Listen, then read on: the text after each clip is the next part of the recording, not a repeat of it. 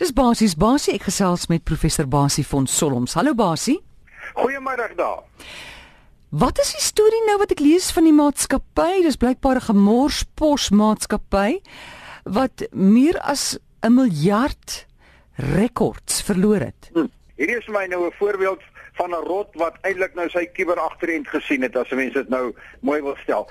Wat hier gebeur het is hier's 'n maatskappy wat in beginsel in aanhalingstekens onwettig opgetree het want hulle het hierdie 1,3 1,4 miljard uh kliënte inligting inligting van mense soos ek en jy het hulle oor die tyd versamel en volgens hulle eie rekords wat nou gestort is hmm. het hulle tot 1 miljard gemorsposse per dag die wêreld ingestuur waarin hulle alle rande goed adverteer en medisyne en uh, uh, kompetisies en vals goed en wat ook al. Hulle het deur hulle eie nalatigheid hierdie 1,4 miljard mense se inligting gestort en dit lê die hele internet nou vol. Ongelooflike groot kuberprobleem want jy weet om net te dink dat so 'n maatskappy soveel gemorspos en aan die een kant is daar 'n ongelooflike voordeel aan die maatskappy is nou half van die lug af gehaal. Hulle het nou hulle adresse verloor Hulle kan dit natuurlik nog gebruik, maar hulle is nou geopenbaar. So, mm. baie groot voorbeeld wat van wat vir ons 'n voorbeeld stel van goed waaroor ons net weer gaan gesels. Nou Basie, jy sê dit lê die internet vol. Wat beteken dit? Ander gemorspos maatskappye ook nou dit, toegang tot dit. Dit is presies my probleem. Waar hierdie maatskappy, miskien hierdie data, hierdie 1,3 miljard rekords, kliënte rekords of inlig mense rekords soos myne en joune gehad het en dit in 'n geslote omgewing gebruik het mm. om hulle gemorspos 1 miljard elke dag uit te stuur, is dit nou gestort. Nou mag daar 10, 20, 40 100 ander maatskappye hmm. wees wat hierdie data nou opgeslurp het. Want jy weet sulke data is goud werd.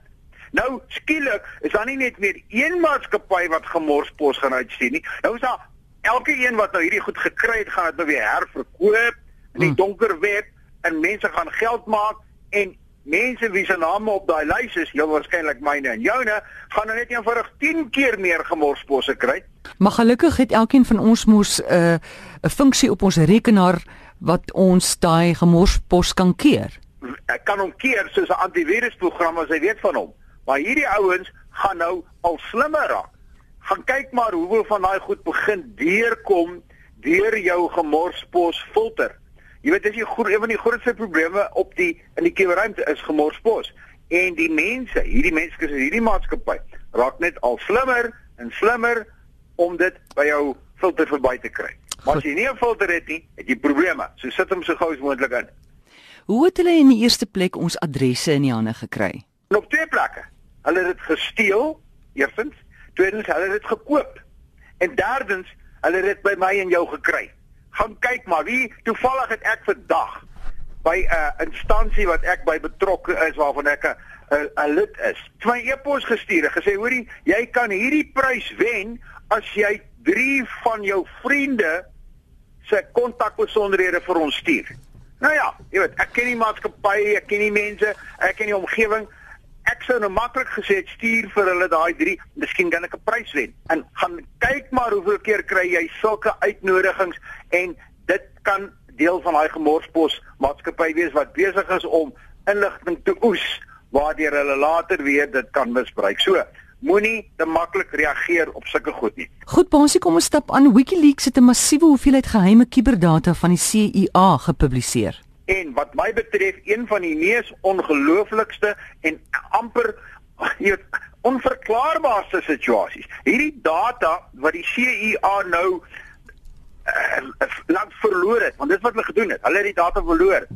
Dit is nie sommer net inligting nie wat hulle ontwikkel het. Hulle het 'n massiewe hoeveelheid kuberwapens, letterlik kuberwapens ontwikkel. Dis programme wat byvoorbeeld in staat is om enkripsie te breek. Om in staat is om WhatsApp oproepe wat sogenaamd geïnkripteer is te kraak. Wat in staat is om antivirusprogramme dood te maak dat die virusse in jou rekenaar kan kom. In ander woorde werklik, kom ons noem dit aggressiewe programme waarmee hulle hulle kraking gedoen het en hulle mense en mense wat hulle wou beheer en bestuur en bekyk in hulle rekenaarstelsels kon inkom. Dis werklik 'n arsenaal van kuberwapens. Dis nou wel net rekenaarprogramme, maar dis rekenaarprogramme wat werklik sulke kwadwillige goed kan doen wat ons die afgelope jaar rotte genoem het. Daai mense, met alle respek, het 'n waafrag vol rotte ontwikkel, slim rotte wat my en jou en baie mense se stelsels kan infekteer en hulle het dit gebruik, daar's geen twyfel nie. En weer eens, deur hulle eie nalatigheid, niemand weet nog presies hoe nie, het hierdie klomp wapens, hierdie klomp programme nou op die internet ontstaan. Nou weer eens, net soos in ons vorige geval. Maar aanvanklik, hulle beheer gehad het oor hierdie klomp uh kom ons noem dit kwaadwillige programme, want dis basies wat dit wat seker dit was. En hulle dit nou kon gebruik het, is dit nou in die kuberruimte. Nou kan elke tweede rotmaatskappy kan nou sê maar ja, wat 'n fantastiese aanvalswapens is hier. Hier's 'n nuwe kwadwillige stuk programmatuur waarmee ek 'n uh, uh, antivirus kan gaan plant. Hier's 'n nuwe virus waarvan ek nie eens geweet het nie wat hierdie ouens ontwikkel het. Dit dit vererger die probleem elke keer in hierdie twee gevalle. Is my amper so 'n soort van monumentgevalle as jy dit sou wil noem wat weer eens begin bewys ons het beheer verloor oor die kuberruimte. Nou wat sal die les hier wees? Ons is besig om goed op die kuberruimte te doen en te stoor wat onverantwoordelik is. Wat ek dit sommer net eenvoudig so stel. En ek en jy moet begin aanvaar dat daar is net eenvoudig nie meer so 'n ding soos 'n veilige kuberruimte nie. Heng daar is seker een eerlike webtuiste. As daar 'n HTTPS is, ah. as daar 'n slooitjie is, Dankie Basie, so as daar 'n HTTPS is en 'n slot, ryk jy nie sommer 'n rot. Dis professor Basie van Solms en jy kan hom kontak by basiersg@gmail.com.